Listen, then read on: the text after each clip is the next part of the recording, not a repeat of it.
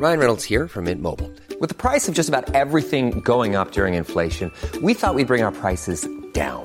So to help us, we brought in a reverse auctioneer, which is apparently a thing. Mint Mobile unlimited premium wireless. Ready to get 30, 30, bit to get 30, bit to get 20, 20, 20, bit to get 20, 20, bit to get 15, 15, 15, 15 just 15 bucks a month. So, Give it a try at mintmobile.com slash switch. $45 upfront for three months plus taxes and fees. Promo for new customers for limited time. Unlimited more than 40 gigabytes per month. Slows. Full terms at mintmobile.com. Hiring for your small business? If you're not looking for professionals on LinkedIn, you're looking in the wrong place. That's like looking for your car keys in a fish tank. LinkedIn helps you hire professionals you can't find anywhere else, even those who aren't actively searching for a new job but might be open to the perfect role. In a given month, over 70% of LinkedIn users don't even visit other leading job sites. So start looking in the right place. With LinkedIn, you can hire professionals like a professional. Post your free job on linkedin.com slash people today. Hey, it's Ryan Reynolds, and I'm here with Keith, co-star of my upcoming film, If, only in theaters May 17th. Do you want to tell people the big news? All right, I'll do. Sign up now and you'll get unlimited for $15 a month in six months of Paramount Plus Essential Plan on us. Mintmobile.com slash switch. Upfront payment of $45 equivalent to $15 per month. Unlimited over 40 gigabytes per month. Face lower speeds. Videos at 480p. Active Mint customers by 531.24 get six months of Paramount Plus Essential Plan. Auto renews after six months. Offer ends May 31st, 2024. Separate Paramount Plus registration required. Terms and conditions apply if rated PG. Men åt fanders med duktigheten och att uppfylla mål, andras mål till varje pris, vilket det krasst hade varit för mig hittills i karriären. Jag måste prioritera mig själv och det som är verkligen viktigt för mig på riktigt. För jag hade presterat och presterat och levererat och levererat. Så jag sa upp mig. Hon sa tacka nu jag till alla intervjuer. För det du gör, att visa dig sårbar, det är så sjukt viktigt för alla kvinnor. Så, så visa nu att vara sårbar är att vara stark på riktigt. Jag längtade efter att göra något svårt och jag gör något svårt. Vi kan sammanfatta det så.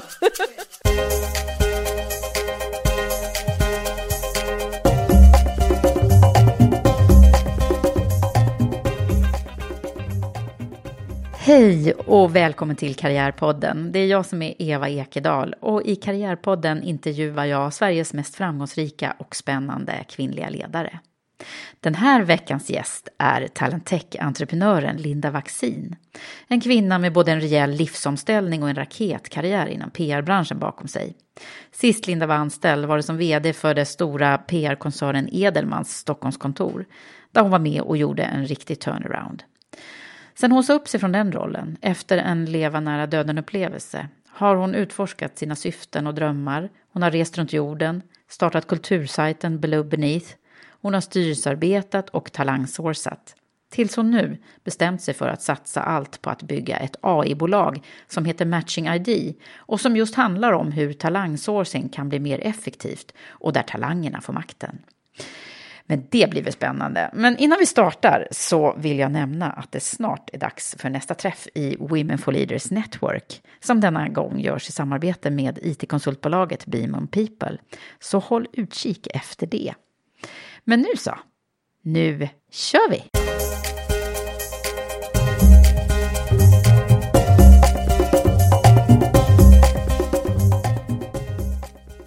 Välkommen Linda till Karriärpodden. Tack. Nu är du här hos mig. Äntligen. Och nu ska vi prata ordentligt om dig. Men jag tänkte bara, idag läste jag på Breakit. Ja. En supersmart grej som du har skrivit. Eller hur gick det till? Blev intervjuad? Eh, hur det gick till var att eh, reporten frågade mig om jag ville vara med i ett reportage som de gjorde med ett eh, gäng kvinnor i techbranschen om trakasserier som de hade varit utsatta för. Och jag kände mig inte, jag har varit med om en hel del, eh, kände mig inte redo att prata om det i media. Eh, men däremot så sa jag, jag bidrar gärna med hur man förebygger skiten. Eh, så jag skrev en tipslista och så satte de ihop en artikel om det. Ja, apropå metoo. Exakt. Ehm, så jag skrev, jag tror att det var sex eh, tips om hur man förebygger. Eh, den var egentligen skriven för alla typer av företag men de vinklar emot hur, hur, när du bygger en startup från början undviker du att, att det blir en sexistisk eh, företagskultur. Eh, och när jag, när jag satt och skrev de här tipsen, det bara rann ur fingrarna. Ja, det gjorde det. Ehm, så insåg jag sen att år 2014 skrev jag min kandidatuppsats på Företagsekonomiska institutionen på Stockholm Aha. om kontinuitetsplanering eller det som kallas för business continuity ur ett etiskt perspektiv. För då var ju Skandia på agendan. Ja, just det. Eh, och hur mycket de hade förlorat i immateriella tillgångar på grund av deras skandal. Så då eh, undersökte vi hur man kan förebygga etiska tillkortakommanden i Mm. organisationer. Så det, var, det, var, ja, det, var inte, det var inte undra på att det gick så lätt för mig att skriva Nej. de där tipsen. Nej, du hade det någonstans i bakhuvudet. Men du, alltså vilken, vilken vecka, eller veckor, nu är det nu, det är väl en och en halv vecka sedan det. Ja. Ehm, och det, det har ju varit så bra grejer som har kommit ur det här tycker jag, eh, utifrån det, det jag jobbar med också. Men, Så otroligt omtumlande. Ja. Ehm, jag har beskrivit det för flera som jag har träffat de senaste dagarna som eh, en ny värld. ja, Så faktiskt. upplever jag det. Så, ett så pass starkt maktskifte Mm. tror jag, hoppas jag att vi står mitt uppe i. Mm. Ehm, Liksom tipping point på, Ja. på vad, ja, och alltså det, det var ju helt om, i början så visste man inte riktigt vad, liksom, vad ska det ta vägen. Men, eh, men nu känns det ju verkligen som det, det här är ett begrepp som vi kommer kunna hänvisa till också. så Ja, jag tror att det är historieböckerna Ja. stämning. I Sverige, alltså jag tror att det har inte slagit på samma sätt Nej. i alla länder, men så som utvecklingen och också mognadsgraden antagligen som vi har Mm. i, i Sverige, eh, att kvinnor vågar så pass ändå, Mm. eh, tror att det är historie, historieskrivning. Ja, men verkligen. Och jag har ju ett, ett tips som, eh, som jag pratade om tror jag i förra podden, men, men att eh, nu, nu när man, om, om man skulle hamna i den här situationen, att, att man ser någon som, att det är den här subtila, svåra gränsen, när åtminstone jag tidigare kanske inte hade eh, mod eller så här, att bryta och, och säga ifrån på skarpen. Då kan man bara säga me too. Så kommer Ja. alla fatta liksom, me too, hör du, sådär. Men precis, eh, eller någonting som på något sätt Ja. åsyftar det. Att det, det är precis det jag tror att det kommer göra, att det kommer ge eh, mig och dig och kvinnor och kollegor Mm. eh, råg i ryggen Ja. att säga ifrån. Ja, nu ska vi inte fastna i det här, för det är Nej. inte en podd om det, utan det är en podd om dig, Linda. Men, men jag kände ändå att det var så... Även färskt, om det är en fråga som jag brinner otroligt mycket för. Ja, du gör ju det, eftersom Ja. du också blev tillfrågad här nu. Ja, eh, och att ju äldre jag blir, som så många andra eh, gissar jag, eh, desto mer eh, feministisk blir jag. Och det här är ju ett tema som gör att, den, att man förstår att det räcker inte med att vara stark och duktig. Nej, Utan vi måste ta tag i strukturerna. mm, verkligen. Ehm, Så Kultur. att det är och också en av anledningarna att jag bestämde mig för att nästa gång jag gör någonting så ska jag äga själv. För att jag tror att kvinnligt ägande är så otroligt viktigt för det här maktskiftet. Precis, och det gör ju du nu. Ja. Ja, nu är frågan hur ska vi närma oss det här? Men jag tror att vi måste få en liten historiebeskrivning vem du är först, innan vi landar i, i din, din startup nu då. Men eh, vad, vad, hur ska man börja egentligen? Ska vi inte börja från början? Vi börjar från början. Okej. Vem är Linda Vaccin? Alltså karriärsmässigt eller Mm. ja, från... vi kan väl börja med Ja. karriären, så Ja. tar vi barndomen sen. Yes. Ehm, jag, eh, jag var tidig. Jag eh, började tidigare i skolan. Eh, jag skulle direkt till New York efter gymnasiet. Pluggade marknadsföring där. Tog ett jobb, mitt första jobb, heltidsjobb, alltså när jag var 19. Eh, allting gick väldigt snabbt. Och jag har alltid haft väldigt mycket drömmar och mycket driv. Ehm, men eh, då fick jag väl min första sådär smäll på käften och insåg att jag var otroligt ung och väldigt naiv. Eh, naiv eh, skulle jag säga att jag är fortfarande. Eh, Det ung, slutar vet, aldrig vara naiv. Liksom. ung vet jag inte när man, när man slutar säga Nej. att man är. Jag har inte slutat. Okej. Toppen. Ehm, men, ehm, och, och kände sig att jag inte, jag hade inte armbågarna än för att liksom ge mig ut i, i det som var näringslivet.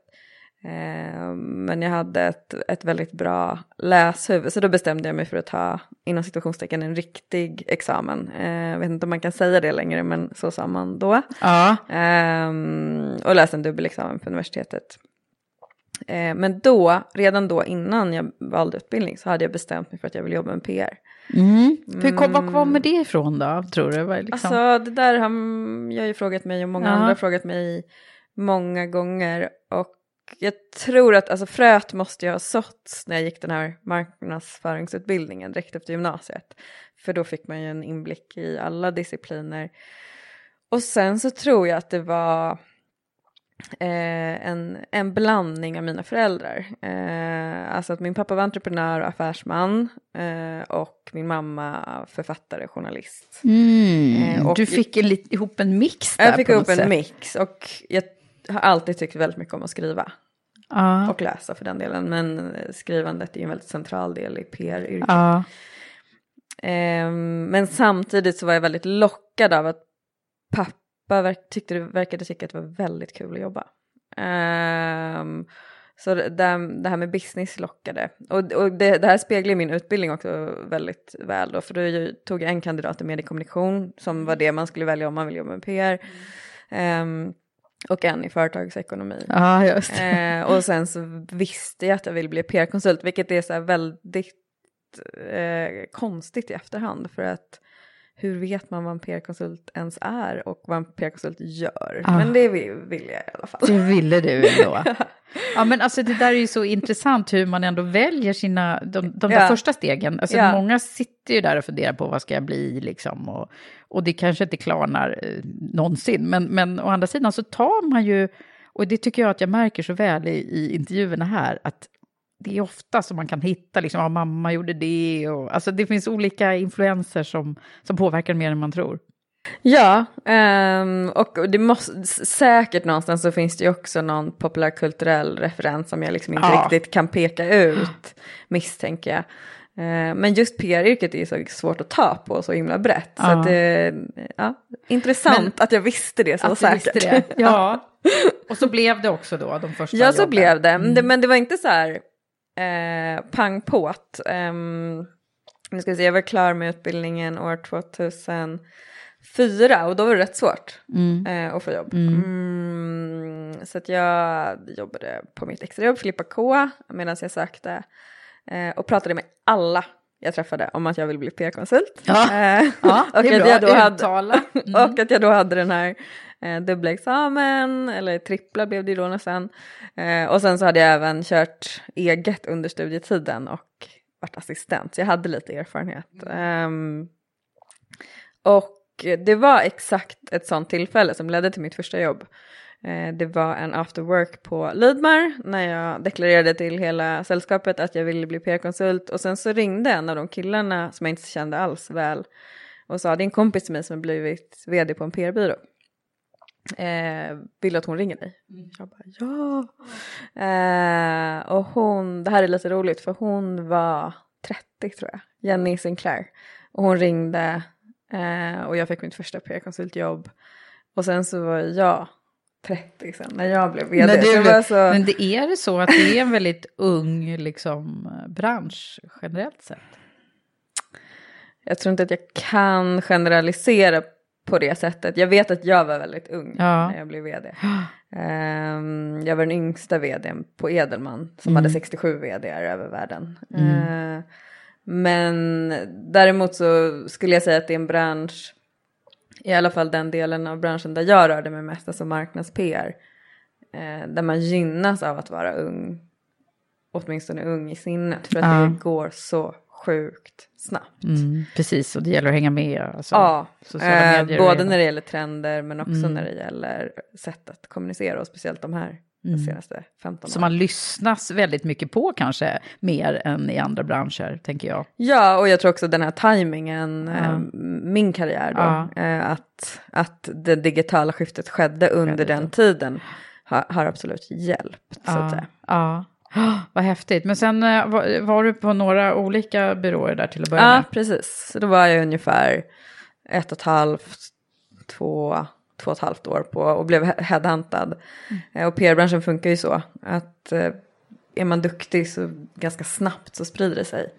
Ehm, så att jag sökte mitt första jobb men sen så, Sen sen dess har jag inte sökt på. något jobb. Nej. Ehm, och aldrig behövt skriva ett CV.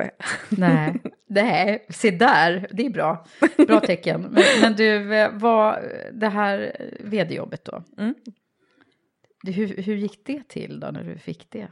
Det blev jag också headhuntad till. Ehm, och då hade jag, då jobbade jag på en PR-byrå som heter Ljung. ehm, och eh, hade hand om stora internationella kunder och var ganska ny där.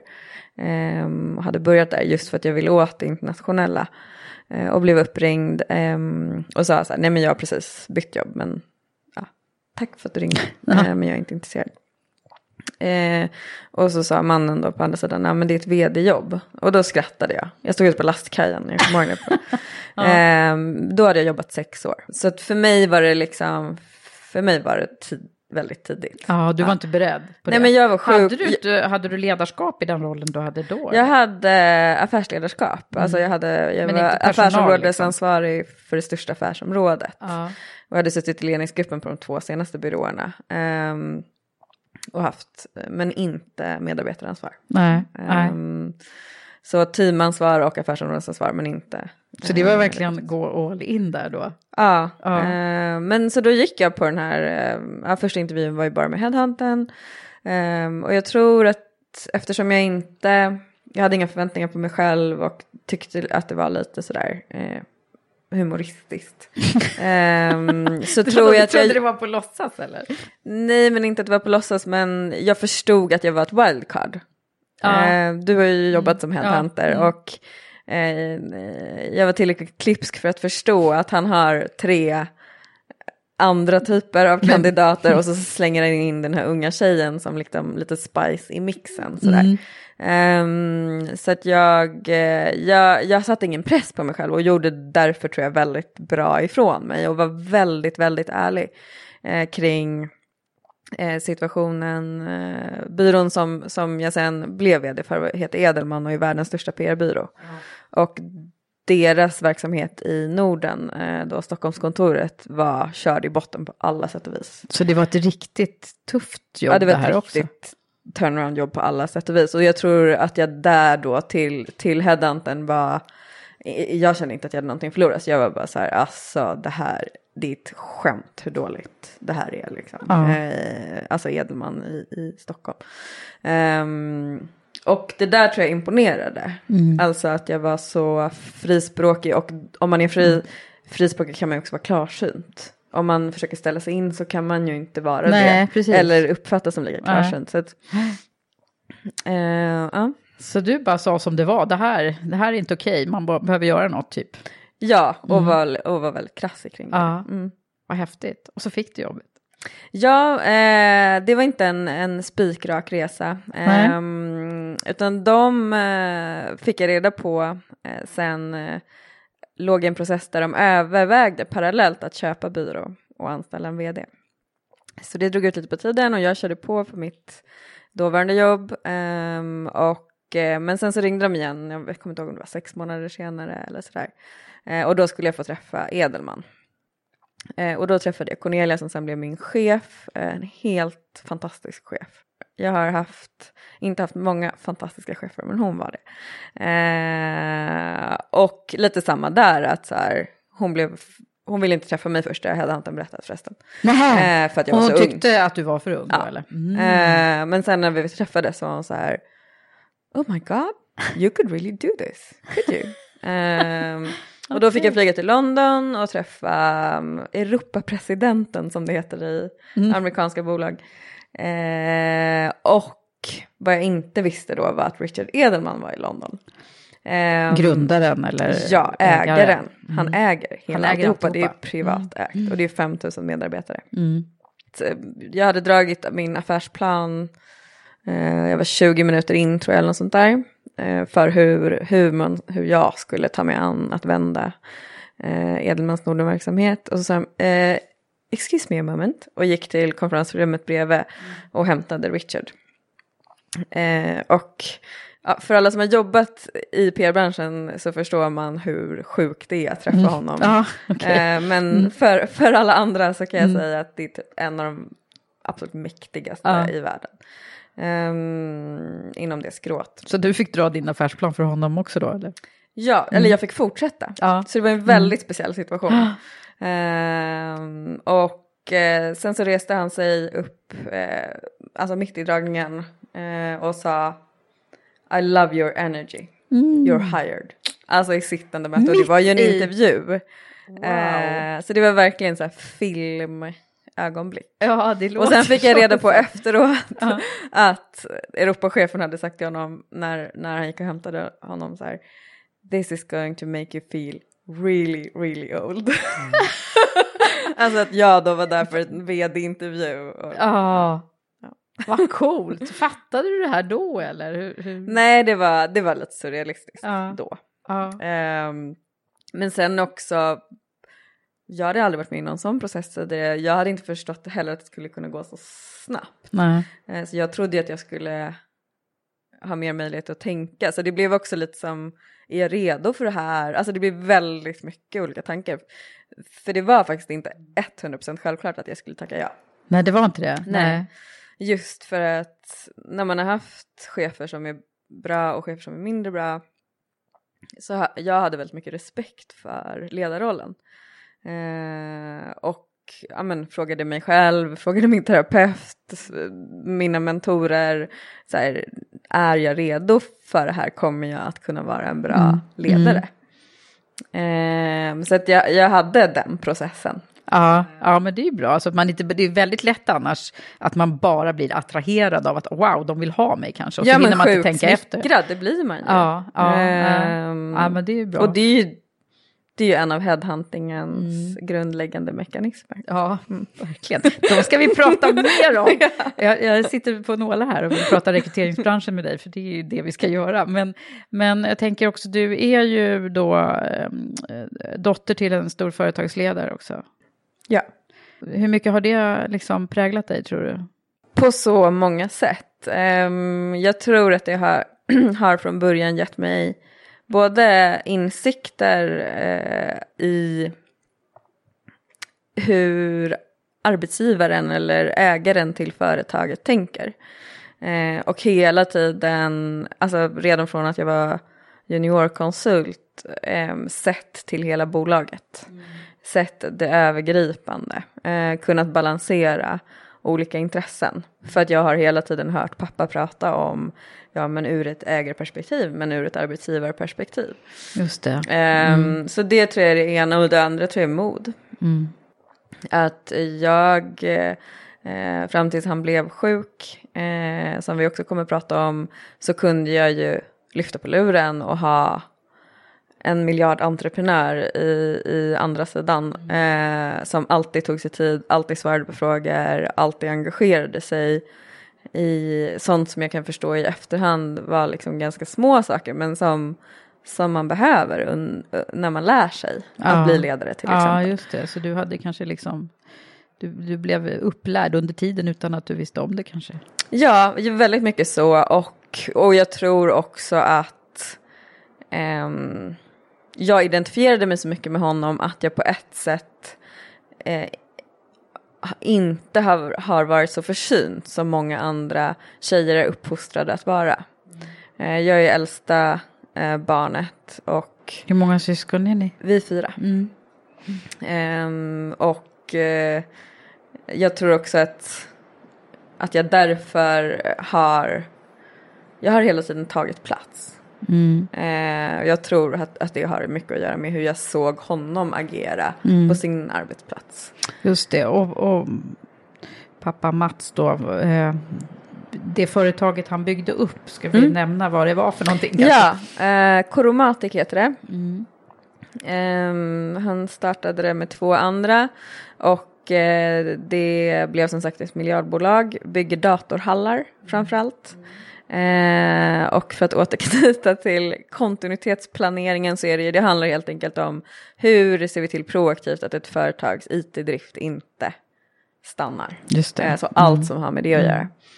Eh, och datorhallar är ju som, som du kan tänka dig en väldigt eh, behövd och lukrativ business. Verkligen, och det var rätt i tid. Han det startade det, verkligen också. Men var, var det aldrig aktuellt att du skulle börja där?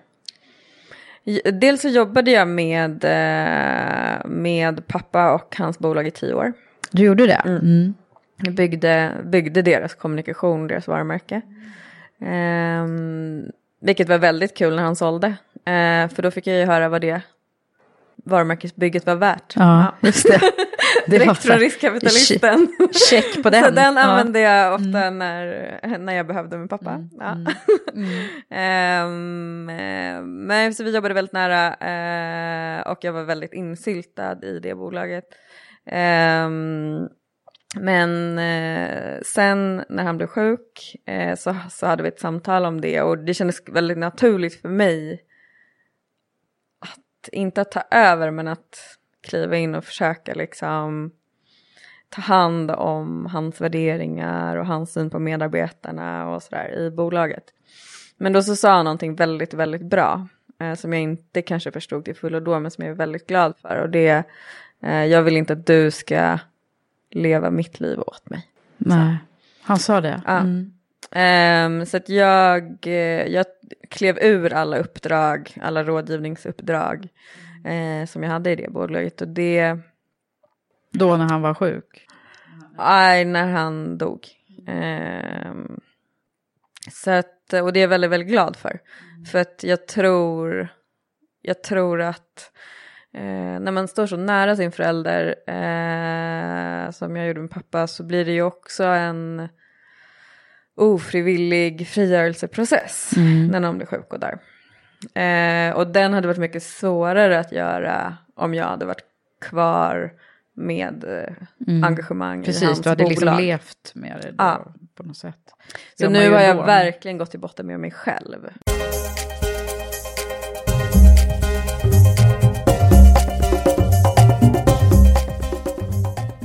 När var det här nu? Du hade hunnit, om vi liksom backar Ja, jag hade historien. hunnit göra en turnaround.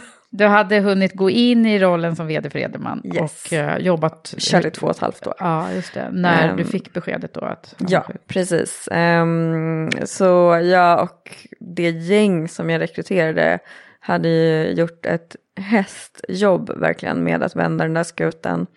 Ehm, och var ju fortfarande mitt, mitt uppe i, i ett hårt arbete.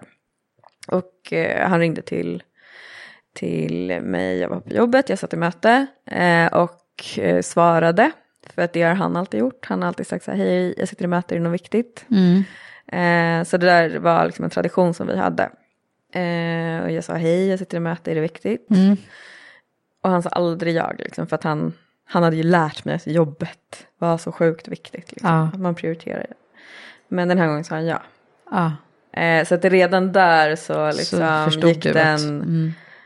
sån kallkvar och sen så sa han eh, det var det du trodde, jag har cancer.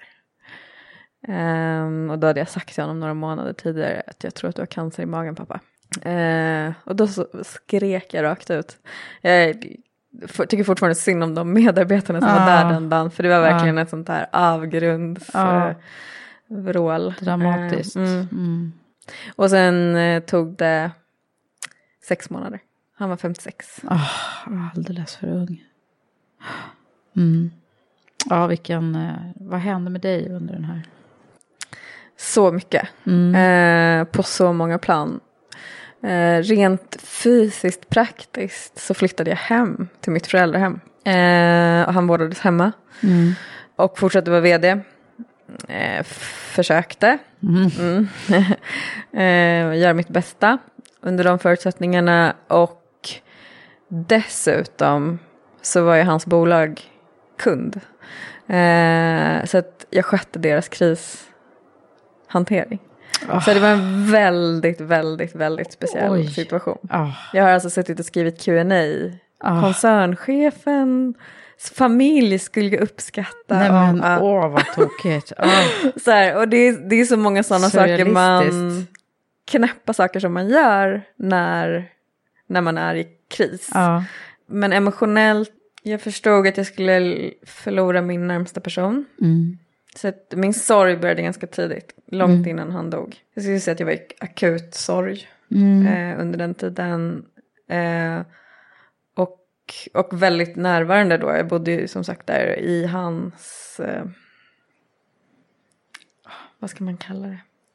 Eh, ja men sista tid verkligen. Eh, han gick ner 70 kilo på sex månader. Alltså det var verkligen sån Oj. nedbrytning av en människa. Ja. Men det, det som också då hände var att han hade ju lärt mig att jobba hårt, att alltid sätta jobbet först. Eh, alltså en sån här nästan absurd arbetsmoral. Mm. Ehm, och den blev ju då samtidigt satt i ett helt annat ljus. Mm. Ehm, Är jobbet verkligen viktigast liksom? Ja, och också liksom vissa prioriteringar och val som han gjorde då under, under de, de omständigheterna. Mm. Eh, så att det blev, eh, det var ju liksom akut sorg men också någon slags tid av uppenbarelse skulle jag säga. Ja, vad var det för någonting då som kom till ja dig? men alltså att ja, men åt fanders med duktigheten Mm. och att uppfylla mål, andras mål. Mm. Vilket det krasst hade varit för mig hittills i karriären. Ja. till varje pris och ehm, ja, nej men det var som ett skynke drogs bort från mina ögon, helt klart. Eh, att eh, jag måste prioritera mig själv högre. Ja. Mm. Och det som är verkligen viktigt för mig på riktigt. Och för att kunna göra det så måste jag ta reda på vad det är. Mm. För jag hade presterat och presterat och presterat och levererat och levererat och levererat. Mm. Så jag sa upp mig. Ja, du gjorde det. När gjorde du det då? Var det Jag gjorde det, att jag han hann berätta för pappa. Ja, du hann göra det. Vilket var viktigt för mig Ja. tror jag. Ehm, för det blev liksom, det var det första beslutet som jag gjorde själv. Mm. Så att säga, jag hade ju alltid rådfrågat honom.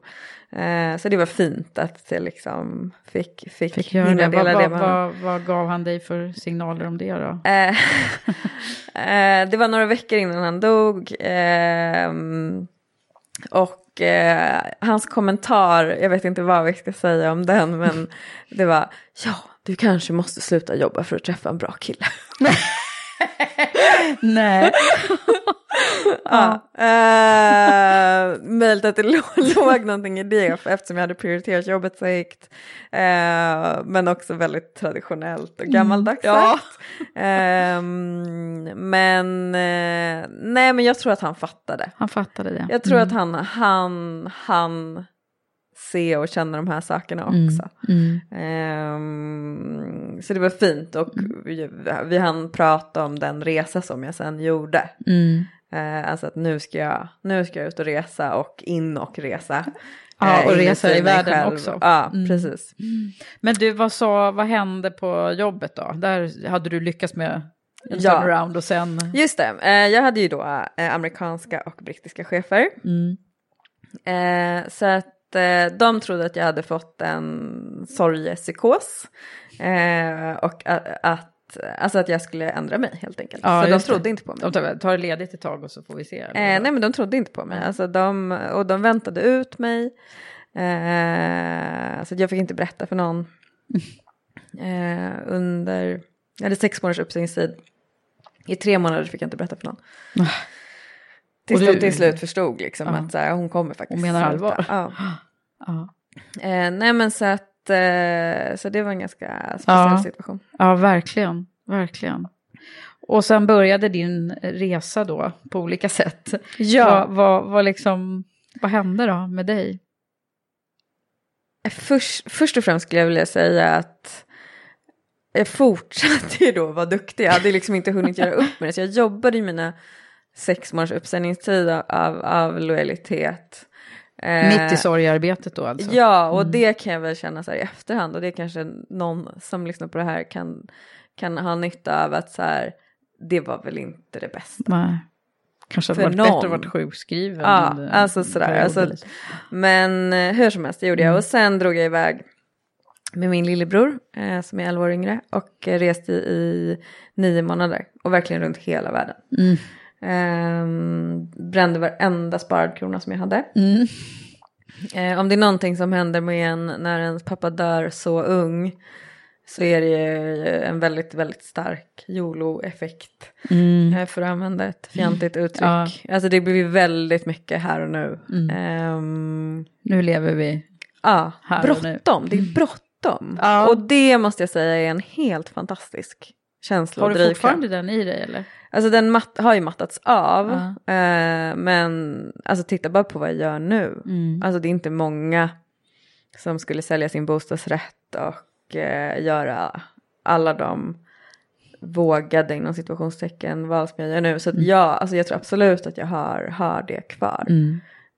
Jag har börjat räkna baklänges liksom. Säg att jag blir så här gammal, vad vill jag Mm. Hinna med? Och det är inte på ett, Så du liksom, det är inte på döds- är lite tidigare? Nej, men det är inte på dödsångestsätt Nej. eller på något sätt på ett destruktivt sätt utan det är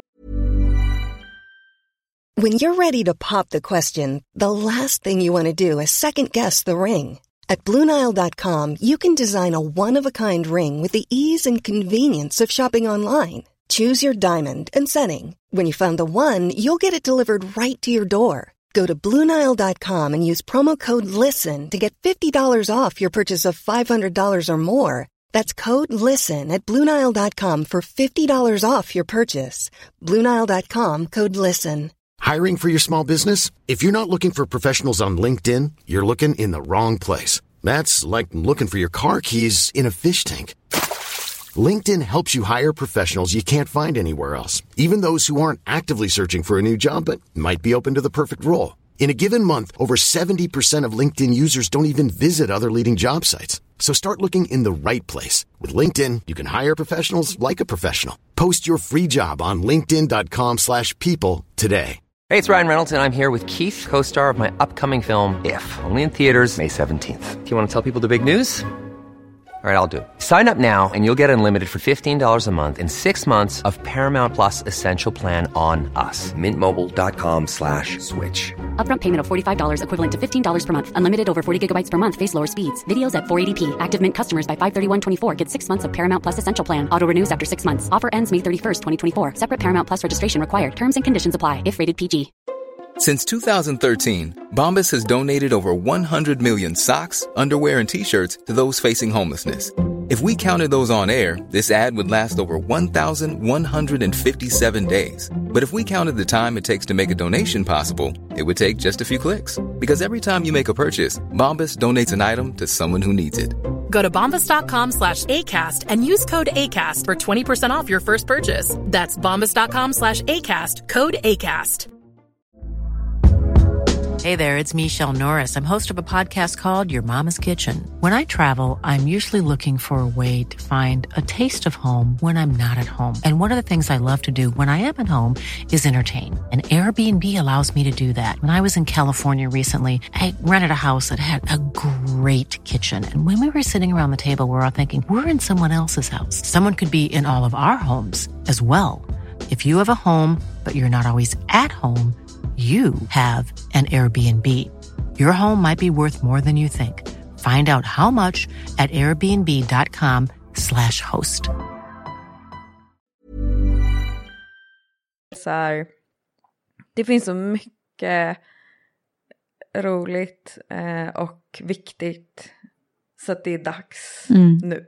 Mm. Ja. Så, den känslan. Ja, egentligen är ju det där rätt s- s- märkligt att du- då, då fick ju du det där i dig i den åldern då, men eh, jag menar jag som också då har varit allvarligt sjuk, jag fick ju också en massa sådana här, liksom, det är ju nu, hallå, det är ju nu det, det är viktigt, vilka, vilka har jag omkring mig, vad är det jag sysslar med, vad är det liksom som är viktigt i livet. Helt plötsligt så, jag brukar säga att man är aldrig så smart som när man är i de här kriserna, för då helt plötsligt så ser man ju det här som man på något sätt har skygglappar Verkligen. Alltså, blixtklart. Ja. Så upplevde jag det. Alltså att dödens kalla sken gör att man ser blixtklart vad som är det riktiga. Mm. Mm. Har du kunnat, kunnat liksom, eh, hålla i det där? För annars så brukar det ju liksom, det är lätt att falla tillbaka lite grann i...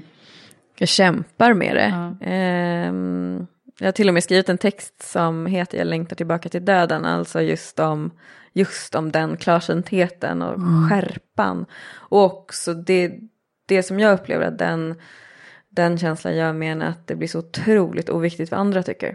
Mm. Eh, och det håller ju inte i sig. Alltså jag tror heller inte att man kan fortsätta befinna sig 100% i det. Nej. Eftersom vi är ju, vi existerar ju i relation till andra och till normer och strukturer. Ja. Ehm, men det, det, det var en fantastisk känsla så länge det höll i sig. Mm. Det blev ju ganska uppmärksammat det här avhoppet som du gjorde och så. Mm. Du var i Ja. tidningen Chefs första sida, eller när var det? Ja, precis. Och det här var ju, jag sa ju nyss att jag inte fick berätta ehm, för mina medarbetare och, eh, och sådär. Ehm, men till slut så läckte det. Eh, så det var en journalist eh, som ringde mig på väg till uppläsningen av min pappas obduktionsprotokoll. Eh, och jag är då, eller framförallt var då PR-kvinna. Eh, Men i en sån situation så är man inte sin bästa egna rådgivare. Eh, så att han var så här, jag vet att du ska sluta, jag kommer skriva. Mm. Jag sa, nej, kunderna vet inte än. Eh, skriv inte. Och så kan man inte säga. Nej. Eh, och sen så fortsatte det där några ordvändningar tills jag utbrast. Alltså det är inte så att du jobbar på Aftonbladet och jag är Fredrik Reinfeldt. nej, nej. Ja, hur som helst, han, ehm, då fick jag liksom några minuter på mig att, att så här, hur ska jag hantera den här situationen? Jag, bara, jag ska bara ringa mina chefer, ge mig några minuter. Ja. Eh, och fick inte tag på dem. Och jag hade fortfarande munkavle. Mm. Men då bestämde jag mig för att eh, sätta mig själv först framför min lojalitet, jag, det jag hade lovat dem. Och bestämde mig för att berätta ehm, varför jag hade sagt upp mig. Och alltså anledningen var sjukt icke-heroiskt. Jag ville inte att folk skulle tro att jag hade fått sparken. Nej. Jag hade jobbat så hårt. Eh, så att jag ville, jag ville liksom Tala om säga, hur det var. säga som det var. Mm. Med dina egna ord. Ja. Ehm, och sen baserat på det då, jag hade inte kunnat föreställa mig hur, hur, hur mycket känslor den historien väckte. Att jag hoppade, jag sa upp mig från en toppkarriär som så många andra ville ha. Mm. Ehm, och så då var det bland annat då tidningen Chef som frågade om de kunde göra en intervju och då visste jag inte att det skulle hamna på framsidan. Eh, och det där rullade ju på, det var, det var ju Du blev liksom känd över en natt där, eh, även utanför. U- Även utanför PR, PR-branschen. precis. Ehm, och där var det, det var en av mina medarbetare som var väldigt betydelsefull i det. ehm, som jag tycker också är lite kopplat till den här metoo-grejen och kvinnors situation. Eh, hon sa tackar nu jag till alla intervjuer. För det du gör, att visa dig sårbar, det är så sjukt viktigt för alla kvinnor. Eh, för att vi har sådana krav på oss att vara Ja, all that precis. och sammanbitna och starka på det, i, i det traditionella eh, ordets bemärkelse. Så visa nu att, att vara sårbar är att vara stark på riktigt. Ehm, Så sant. Ja, så sant. Och yngre. Eh, eh, och så jag gjorde det. Jag tackade ja till alla intervjuer. Och har ju fått så otroligt fin, fin respons. Alltså det är så många som har sagt till mig, jag önskar att jag också vågade säga upp mig. Eh, jag önskar att jag tog min sorg på större allvar. Eller det behöver inte ens vara en sorg, men någon form av kris. Ehm, så att, ja, jag är väldigt glad att, att det blev så, även om jag faktiskt inte riktigt kan ta åt mig äran att det var en väldigt uttänkt. Nej, nej, men så rätt alltså, verkligen. Det här hoppas jag att många blir inspirerade av att faktiskt kliva ut ur. Alltså det är svårt att sluta på jobb eh, på rätt sätt också. Ja, men det känns, känns det inte också som att det är fler som säger upp sig utan att ha, ha någonting att gå till nu. Alltså att det har hänt ganska mycket de senaste det, åren. Det har du nog rätt i. Att det kanske, det förr var det så här, oj, har den slutat utan Ja, att ha någonting? och Det var vet här, inte vad du ska göra. Nej, precis. Eh, och sen när jag sa upp mig så var det ju då, apropå headhunters Ja. igen, jag väntar inte för länge med att Nej, komma just det. tillbaka. Mm. Kan det bli svårt? Då kan det bli svårt.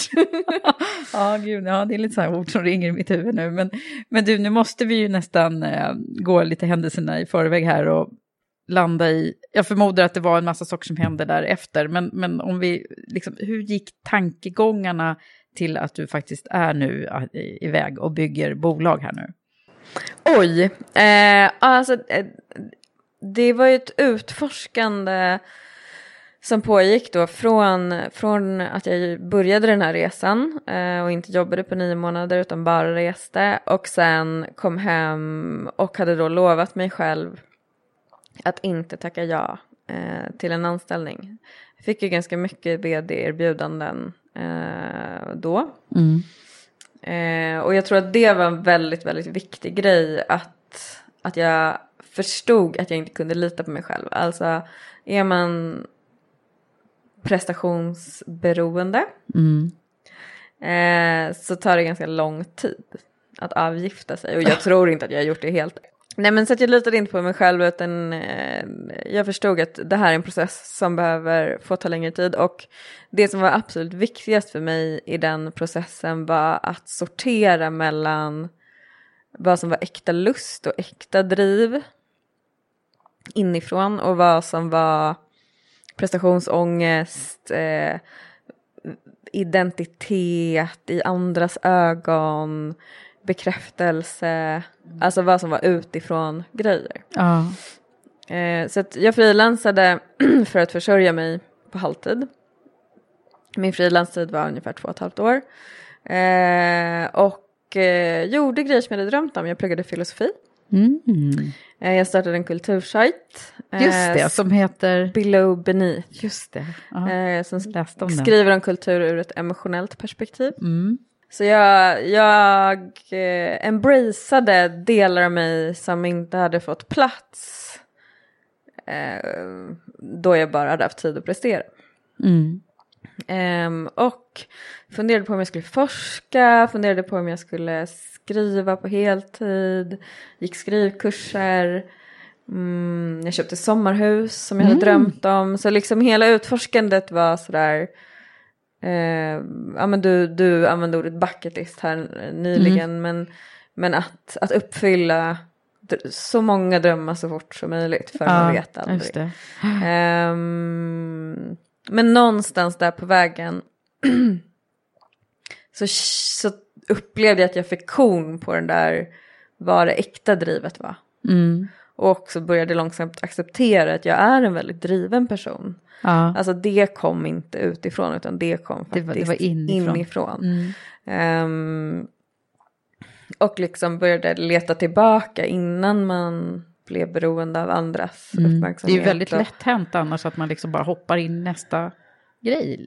Eller ja, det är ju Ja. så livet är uppbyggt också. Att liksom, Ja. Apropå intjäningen och nu, nu lyckades du frilansa där, men alla har ju inte möjlighet att göra det, utan ofta så blir det ju att man liksom... Nej, och det var ju fantastiskt med att ha ett yrke. Så att PR-konsult, jag hade ju ett yrke i, liksom, i Ja. grunden. Sådär, så att det, det var ganska lätt att frilansa och jag kunde frilansa på halvtid och försörja mig på det. Mm.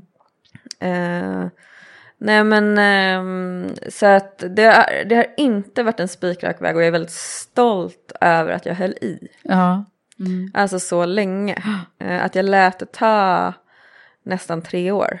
Ehm, och, och även var beredd på att, jag inte, att det inte skulle vara så här, nu blir det det här. Nu har det ju blivit det, nu har jag verkligen valt. Nu är jag all in på, på mitt eget eh, techbolag Just inom det. Talang eh, som heter Matching ID. Men, men Matching jag var... ID, nu måste, vi, Matching måste ID. vi, nu måste vi stanna där Okej. lite.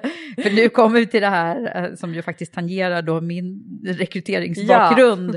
Så jag, jag har ju gått all in här på att nu händer det något nytt i den världen som är så traditionellt bunden och tråkig, tycker jag, eh, att vi inte har kommit längre. Ja, Eh, Så att jag eh, välkomnar och verkligen... ineffektiv skulle jag säga. Ja, verkligen.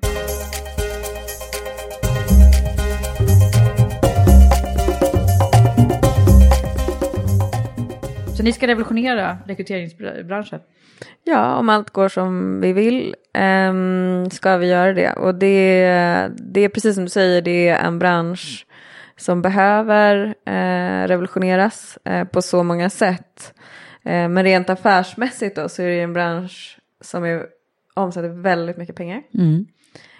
Det är, skulle jag säga, även baserat på egen erfarenhet. Jag gjorde en hel del talangagentande under min frilanstid alldeles för lätt att tjäna mycket pengar. Mm. Eh, det är många som inte är nöjda Mm. med sina headhunters och searchers. Mm. Eh, så det, det är en marknad där det finns väldigt mycket pengar, den är ineffektiv och det är många som är missnöjda. Och det är dessutom ett talangunderskott som Mm. inte lyckas lösa med de traditionella Mm. lösningar som finns idag. Eh, så det är en marknad som på så många sätt är redo att revolutioneras. Mm. Eh, just därför känns det så, det känns så kul att göra det jag gör varje dag. Vill du nu att jag ska berätta vad det är vi ska göra? Ja, men det vill jag. Du ser ju, jag har liksom inte fått hela bilden. Okej, eh, vi håller på att bygga en digital matchmaking-plattform mellan talang och företag. Eh, den är baserad på AI-teknologi. Så att den här matchningsalgoritmen som vi bygger eh, kommer att bli smartare och smartare ju mer data vi har och ju fler matchningar vi gör. Mm. Eh, det som är så speciellt med det sättet som vi kommer matcha talanger och bolag är att all talang kommer att vara anonym. Mm. Anonymiteten är en nyckel till ett gäng grejer. Det första är att vi kommer erbjuda talangen möjlighet att bygga framtidsscenarios. Mm. Du som har headhuntat Ja. vet ju att de bästa rekryteringarna, de bästa ehm, lyckade kandidat, eh, kandidaterna hittar man ju när någon har tillräckligt mycket erfarenhet eller tillräckligt mycket skills men inte har gjort exakt det som du rekryterar till utan har tre år i sig. Det är Mm. tillräckligt utvecklande, det är tillräckligt spännande. Precis, det, är ett litet, litet gap Sweet kvar spot. liksom. Ja. Mm. Ehm, och så som eh, LinkedIn funkar till exempel, eller CV, så ser man ju bara bakåt i tiden, man ser inte framåt. Mm. Eh, så att här kommer du som talang kunna bygga då gäng framtidsscenarios. Och du är komplexa människa så du kan göra flera olika sorters drömmar samtidigt. Mm. Eh, men du matchas bara på ett framtidsscenario i taget. Så det är en av de stora grejerna. Eh, en, av de, en av de andra stora grejerna är att vi matchar holistiskt. Så det är inte bara på hårda grejer som lön och geografi och timing. Utan också på mjuka. Som till exempel. Som eh, vilken typ av ledarskap tycker du är Man bra? av. Mm. Vilken typ av ehm, kommunikation i team tycker du är bra? Vad går du igång på för rewards? Ehm, vad är en bra företagskultur enligt dig? Mm. Och så vidare och så vidare. Så Men det här är ju jätteintressant med tanke på att eh, mycket av den, den rekryteringsvärlden jag känner till och kommer ifrån är ju så mycket som är byggt ut- utifrån arbetsgivarens eh, hänseende på något sätt och så lite utifrån kandidatperspektivet. Eller många missar ju det, att det liksom är, det är superviktigt, det ska ju väga åtminstone lika jämnt, eller egentligen skulle man ju vilja, och det är väl det ni gör kanske, tar mera eh, kandidatperspektivet, alltså att det är Ja, den 100 arbetstagarens mark- procent. 100 procent. Ja. Alltså, mm, vi, vi kallar det att alla beslut vi ska ta, allt vi gör ska vi göra talent first. Mm. Ehm, så att vi sätter talangen först i hela processen. Talangen har makten i den här matchningen. Mm. Eh, det är först när talangen säger så här, ja, jag vill prata med den här uppdragsgivaren eller med den här arbetsgivaren som det blir en match. Ehm, och det är bara ett exempel av jättemånga. Och det här är ju helt enkelt baserat på hur marknaden ser ut idag. Mm. Det finns ett jättestort talangunderskott och det är globalt och det växer. Mm. Eh, vilket innebär att talangen inom många skills eller många sektorer redan har makten idag. Men branschen, HR-avdelningarna har inte anpassat sig än. Eh, så där kommer vi in och liksom pusha på det maktskiftet. Men löser också företagens problem samtidigt. För att gör man det på talangens villkor så kommer man få fram talang som företagen idag inte kan se. Mm.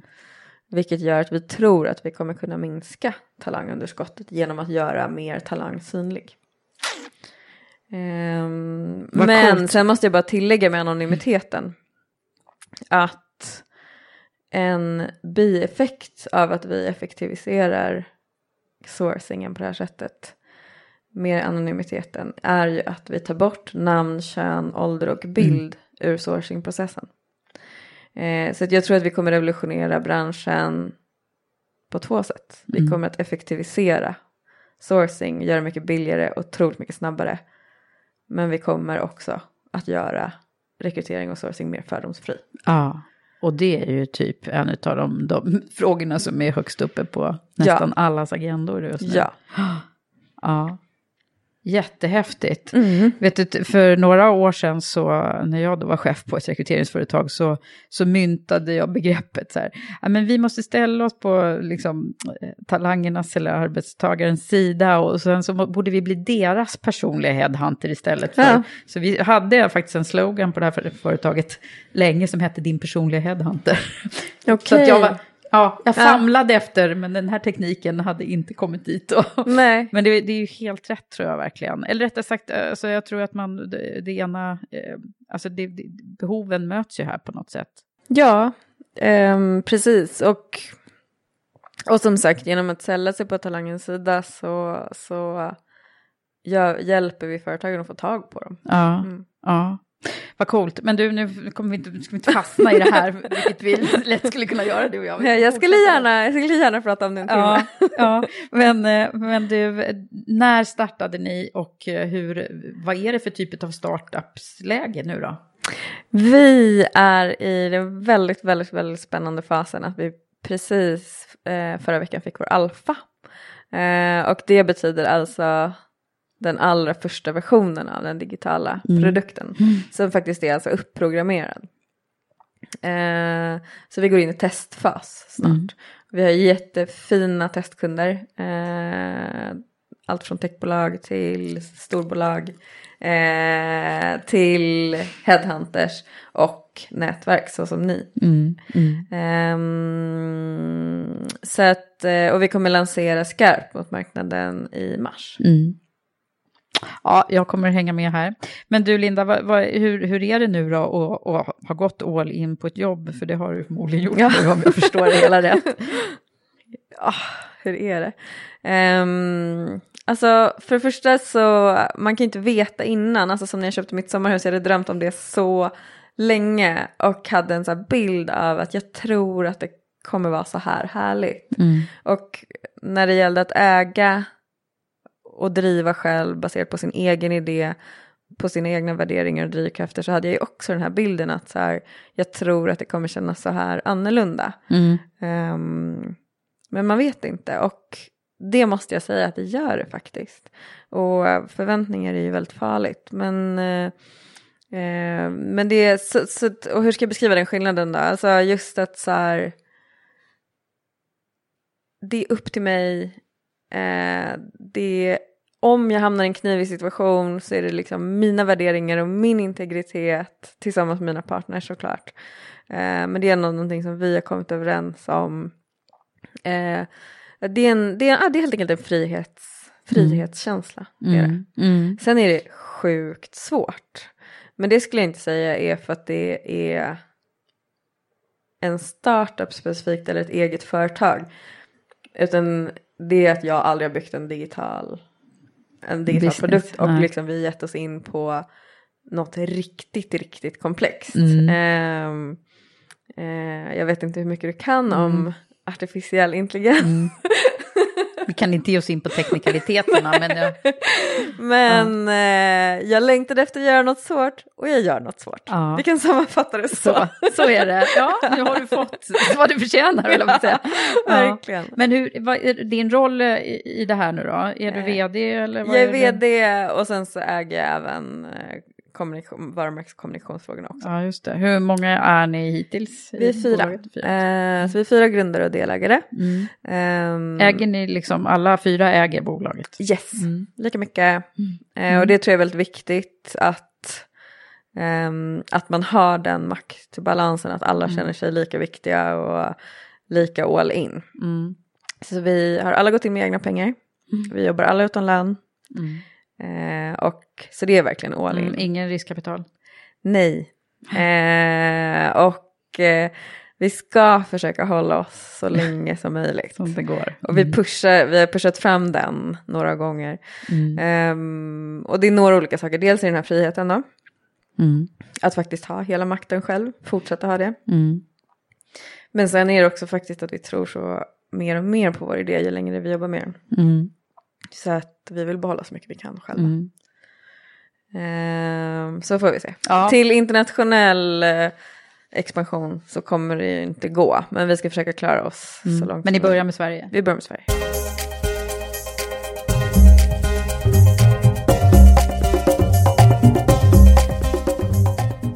Men eh, om vi skulle återgå till dig då, och du vet jag brukar ju ha sådana här frågor om, vad som, fast jag känner att jag har fått svar på en del. Jag brukar fråga så här, vad, vad har varit det jobbigaste i livet? Eh, det känns som att vi har passerat en del eh, av det. Mm.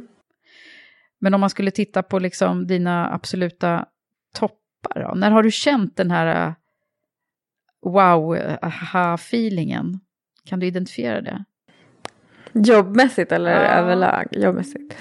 Alltså jag skulle säga um, en av de absolut största grejerna var att skicka iväg det där eh, letter of resignation. Ja. Ehm, det var, jag har aldrig varit så stolt över mig själv. Mm. För det satt så långt inne. Alltså alla prestationer som jag har gjort. Mm. Jag har liksom alltid nått mina mål. Mm. Alltså det, det har inte stuckit ut. Utan, och det har också, jag har också drivit mig själv så hårt. Så att, ehm, ja, när jag gjort sjuka, liksom åstadkommit sjuka saker så, så det, var en, det var en större win för mig att våga kliva av någonting. Än att våga kliva på eller leverera. Eh, så det var, det var en väldigt stor grej. Eh, och sen så eh, var det, skulle jag säga, mm, den dagen vi bestämde oss, jag och Anders eh, som kom på den här idén tillsammans, men också eh, det som liksom gjorde det verkligt var att eh, min syster, min lilla syster Sanna, eh, sa ja till att bli delägare och COO eh, i bolaget. Hon var COO på ett annat techbolag Mm. innan. Och hon, oss emellan så är hon realisten eh, och den trygghetssökande, den som ifrågasätter och jag är snarare så visionär och idérik och Mm. kastar mig ut. Så hon är med nu? Hon är med, vi, vi gör det här tillsammans. Mm. Ehm, Så pappa skulle förmodligen ha varit väldigt stolt nu. det tror jag. Mm. Ehm, nej men, och det var ett sånt här ögonblick, när, även om jag hade bestämt mig så blev det liksom verkligt på något sätt. För att så här, tror hon på den här idén och är hon beredd att säga upp sig från sitt vanliga jobb och sin vanliga lön, då Mm. blev det så här, oj vi kommer faktiskt göra det här. Mm. Och sen efter det så blev det väldigt så här, konkret handlingskraftigt. Okej, hur ska vi ha råd? Eh, vad behöver vi mer? Vi behöver en CTO. Mm. Eh, sen så hittade vi Erik då som är vår fjärde partner. Men så det var liksom en sån där, det gick från att vara ett drömmande Mm. till ett görande. Mm. Eh, ja. Det är häftigt. Ja. När man hamnar i det där flowet också på något sätt. Och det är väl det alla drömmer om nu tror jag. Eftersom att vara entreprenör har ju kommit ganska högt upp på liksom, önskelistorna för många unga som kommer nu också. Det- ja, det är väl eh, precis, det är väl den nya tidens Ja, rockstjärna. ja. Ja. det är vi. Men du, eh, om man, jag, jag känner att jag, vi har hoppat över en grej. ja. Och det är ju faktiskt eh, vem du var eh, när du var liten och hur mycket man kan se liksom utifrån vem du var då eh, till den framgångsrika liksom, ledaren som du är nu då. Alltså jag tycker att det där är ganska svårt. Alltså, jag, och jag går ganska mycket på hörsägen. Jag är en av de där som inte minns så himla mycket. Men det som min mamma har pekat ut eh, när jag har frågat henne, för jag har frågat ganska mycket om det nu i den här Ja. utforskningsprocessen som jag har varit i för att liksom vilja hitta så här, vad är mitt ursprungsdriv. Liksom, sådär. Ja, det, det, det brukar ju bli så när man, när man är lite sökande själv. Exakt, liksom. ja. Ehm, och så som hon har beskrivit det var att jag var väldigt mycket så här, jag är här nu, Alltså vi, vi hade segelbåt till exempel, då kunde jag hoppa, hopp, hoppa av på bryggan och bara till de andra segelbåtarna bara japp, nu, det som ni har väntat på. Nu är alltså att jag är väldigt frimodig och väldigt sådär eh, självklar plats i världen. Mm. Och lite det känner jag väl att jag liksom på något sätt har kämpat mig tillbaka till Mm. nu. Att Ja. så här, ja, Att jag, det är okej att du tar den här platsen. Liksom. Ja, alltså att jag är, jag är liksom en, en, en person med mycket drömmar och mycket idéer och eh, som kanske hörs mycket och sådär. Och det är inte så uppskattat eller accepterat som kvinna sådär. Nu har ju det verkligen hjälpt mig i min karriär men det är också någonting som kan väldigt ofta anses för mycket. Mm. Jag har väldigt ofta ansetts för mycket. Är det så? Ja, absolut. Jättemycket. Så. Hur har Eh, du han- hanterat det då? Ja, men det är väl två sätt. Dels eh, har jag anpassat mig eh, och försökt lära mig liksom var, var den här gränsen går. Ehm, och dels så har jag kanaliserat det i jobb. Mm. Just det. Alltså det som egentligen, om det liksom hade fått löpa fritt så att säga, hade kommit ut på massa olika sätt. Ehm, alltså den resan som jag har gjort nu. Mm. att vara mycket lite överallt. Liksom. Eh, tro att jag kan starta en kultursajt fast jag är PR-konsult till exempel. Alltså det är ju, så gör man ju inte. Nej. Nej. Fast det gick ju. Jo, jo, det gick ju precis. Men rent, alltså om jag hade tänkt på vad, vad som är okej och inte okej så är det ju inte okej. Eh, så. Det finns ju inget som är mer liksom uptight vad man får och inte får göra eller tycka eller inte tycka I kulturvärlden. Kulturvärlden. Alltså, så här, jag kan tänka mig det. Eh, ja men så det är väl en grej och sen så, är, så brukar mamma också säga att jag var alltid i utklädningslådan. eh, och och eh, nu känner inte vi varandra så bra och jag har en, en, en svart ganska enkel klänning på mig idag men jag har en vintage klänningssamling hemma. Ja men vet du, jag följer ju dig på Instagram så jag har sett lite grann av det där. Jag Så jag förväntade mig nästan att du skulle komma i något sånt. ja men så jag har ett, eh, jag vet inte, nu, det är väl, eh, jag har sagt hundra länge så det är säkert mer än hundra nu. Ehm, så det är många som brukar komma hem till mig och låna klänningar när de ska på bröllop Åh, sådär. vad coolt. Ehm, Så det, eh, det, det kommer säkert bli eh, att jag startar eh, någonting med det också sen. Mm. Men jag ska göra det här först. Ja, gör det här först. Ja, vad härlig du är. Men du, eh, baserat på det du nu liksom har lärt dig, får man ju säga, genom de erfarenheterna som du har, så har du formulerat några grejer som du vill skicka vidare här till? Ja, mina tips. Ja. Ja, eh, det vill jag. Ehm, en av de viktigaste sakerna eh, som knyter an till, till det som du frågade vad det inneburit för dig med att vara så nära din pappa. Det är eh, dra in pengar. Mm. Var alltid, se till att vara nära intäkterna. Mm. Vart du än är. Se till att förstå hur det funkar och se till att vara där och bidra. För att gör det så spelar det ingen roll om du anses vara jobbig eller fel. För att är du För så länge man tjänar pengarna. åt bolaget så är du Mm. ovärderlig. Och den, det där fattade jag väldigt snabbt.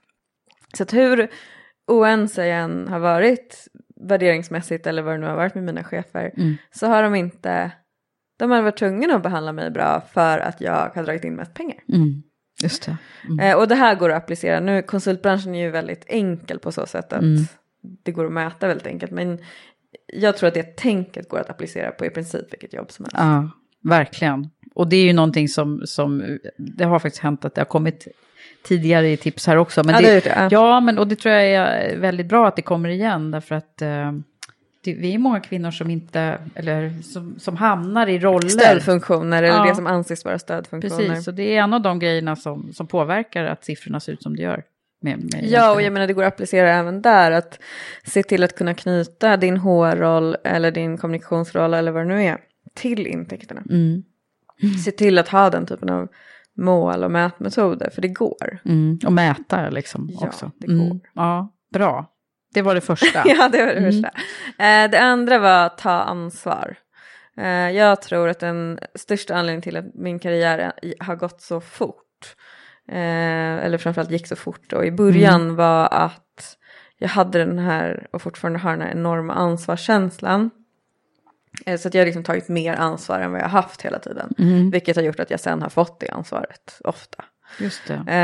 Men det som jag inte lyckades bra med fram till mitt till min tillfälliga pension, det var att ta lika stort ansvar för mig själv, min integritet och min hälsa. Mm. Så att, alltså det här tipset är väldigt viktigt, att liksom ta ansvar på jobbet, men ta lika mycket ansvar för dig själv, för dig själv dina mm. gränser fysiskt och eh, på andra sätt. Mm. Eh, och återigen, eh, liksom metoo är ju, belyser det på ett väldigt bra sätt. Um, min um, min psykolog sa en, en gång så himla bra som jag tror gjorde att jag förstod det här. Det var att så här, men Linda, dina chefer är inte dina föräldrar. De kommer inte att se till ditt bästa när det gäller din hälsa. Eh, alltså de vill ju ut mycket som möjligt mm. värde utav dig. Det är deras jobb. Mm. Så att, att, ta hand om dig, det är ditt jobb. Mm. Och det är så här, det låter så självklart men det är ju inte Nej. det i praktiken. Så det, ja. Nej, men till syvende och sist så är det ju verkligen bara man själv som kan ansvara för att man själv ska bli så lycklig som man bara kan. Ja. Mm. Och, och, då är det ju både på jobbet och hemma och privat och exakt. fysiskt och psykiskt och ja. hela faderullan. Verkligen. och mitt sista tips är, alltså låt brinnet leda vägen. Alltså det som du har gjort med liksom, omställningen i ditt liv, det som jag har gjort med omställningen i mitt liv. Um, jag tror att liksom, ju tidigare man får syn på det där, uh, desto bättre beslut tar man. Mm. Um, alltså Låt att, brinnet, det tycker jag var härligt. Ja men liksom att till exempel mm. att kunna gå ner i lön eller kunna gå utan lön som, som, som jag gjorde då i, till exempel. Eller Eh, alltså att inte fatta besluten baserat på social status mm. utan kika inåt efter brinnet. Mm. här är en PR-konsult som sitter ja, här. In. det, där, det där lät bra verkligen. Ja. ja, den var faktiskt on the fly. Det var det? Ja, oh, vad härligt. Men du, eh, jag får tacka så jättemycket att du har varit här och ja, pratat tack. med mig. Tack så jättemycket.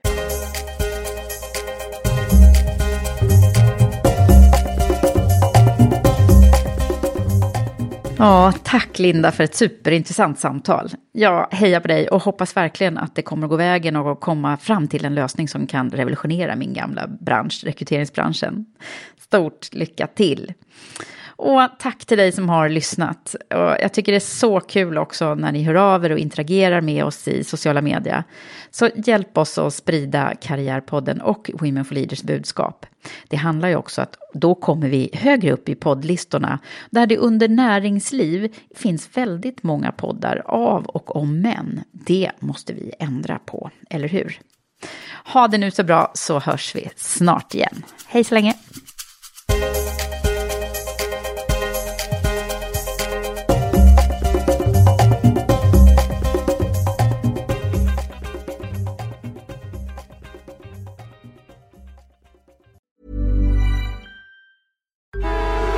Traffic jams, tailgating, pileups. Ugh, the joys of driving. How could it get worse? The federal government wants to have a say in what you drive. That's right. The Biden administration's EPA is pushing mandates that would ban two out of every three vehicles on the road today. Don't let Washington become your backseat driver. Protect the freedom of driving your way. Visit EnergyCitizens.org. Paid for by the American Petroleum Institute.